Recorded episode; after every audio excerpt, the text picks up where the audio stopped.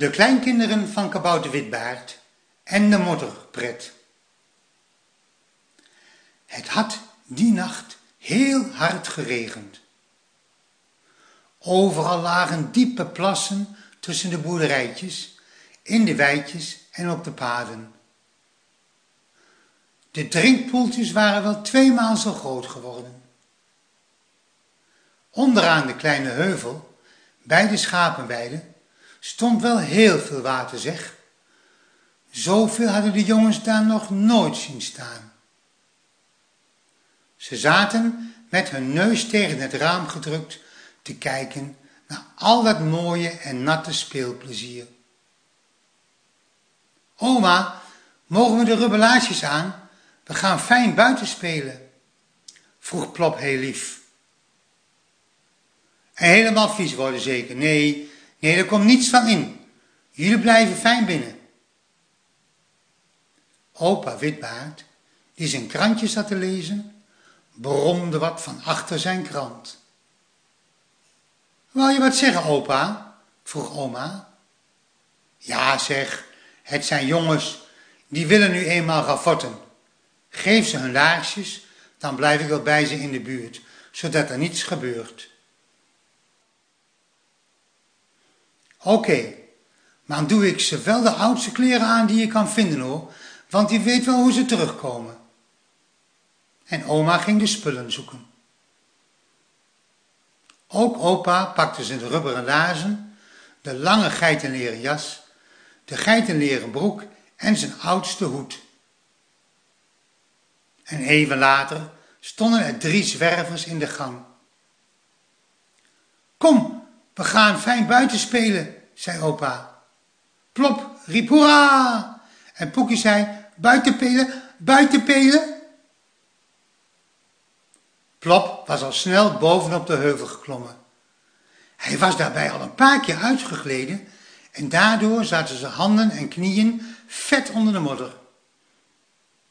Opa hield Poekie naar boven en gleed ook al bijna uit. Nou, het is wel glad hier, zeg, zei opa. Pas je wel op, Plop? Ja hoor, maar hier kun je fijn naar beneden glijden, net als bij sneeuw. En hij gleed zo de modderheuvel af, recht op de grote plas af. En door zijn snelheid kolkte het water hoog tegen zijn laarsjes op.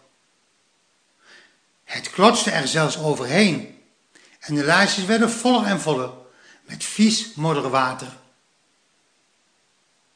In het midden van de plas was het water zo diep dat het tot over zijn knieën kwam. Het remde hem zo af dat hij voorover in het vieze water viel, kopje onder. Hij stond gauw weer op en wilde tegen opa zeggen dat kleine Poekie dat niet moest doen. Maar toen zag hij dat het vrolijke mannetje op zijn kontje zat en door zijn voetjes te gebruiken al naar beneden gleed. Zo op de diepe plas af. Opa, opa, pas op, Poekie glijdt naar de plas.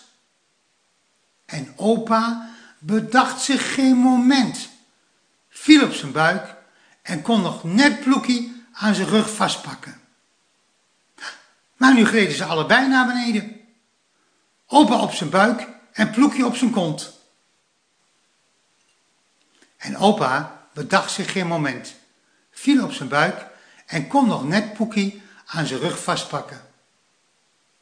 Maar nu gleden ze allebei naar beneden, opa op zijn buik en Poekie op zijn kont.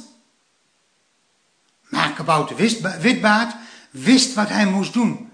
Hij draaide zich snel om en hield Poekie boven zich vast. Even later gleed opa kopje onder de diepe plas in. Net op tijd de mond stevig dichtdrukkend om geen modderwater binnen te krijgen. En Poekie, kleine Poekie, hij bleef dan wel niet schoon, maar hij ging niet kopje onder. Daar zorgden de sterke, lange armen van opa wel voor.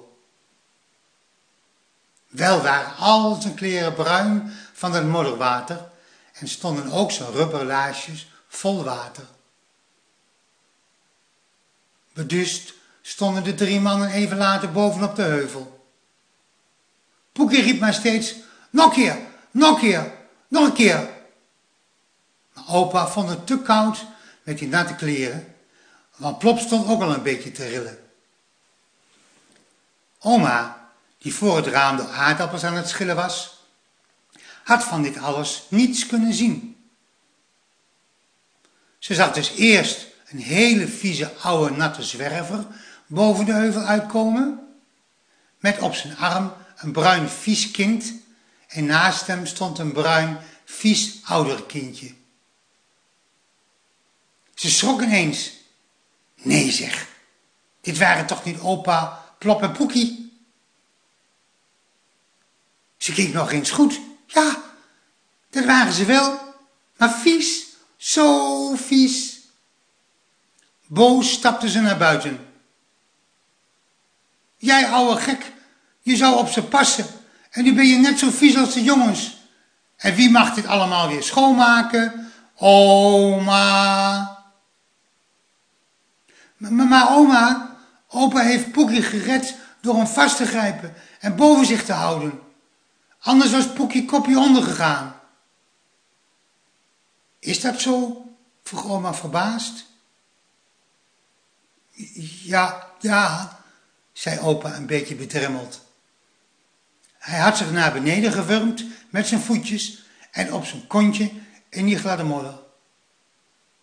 En toen gleed hij helemaal alleen de heuvel af naar een grote waterplas. En toen moest ik wel achter hem aanduiken.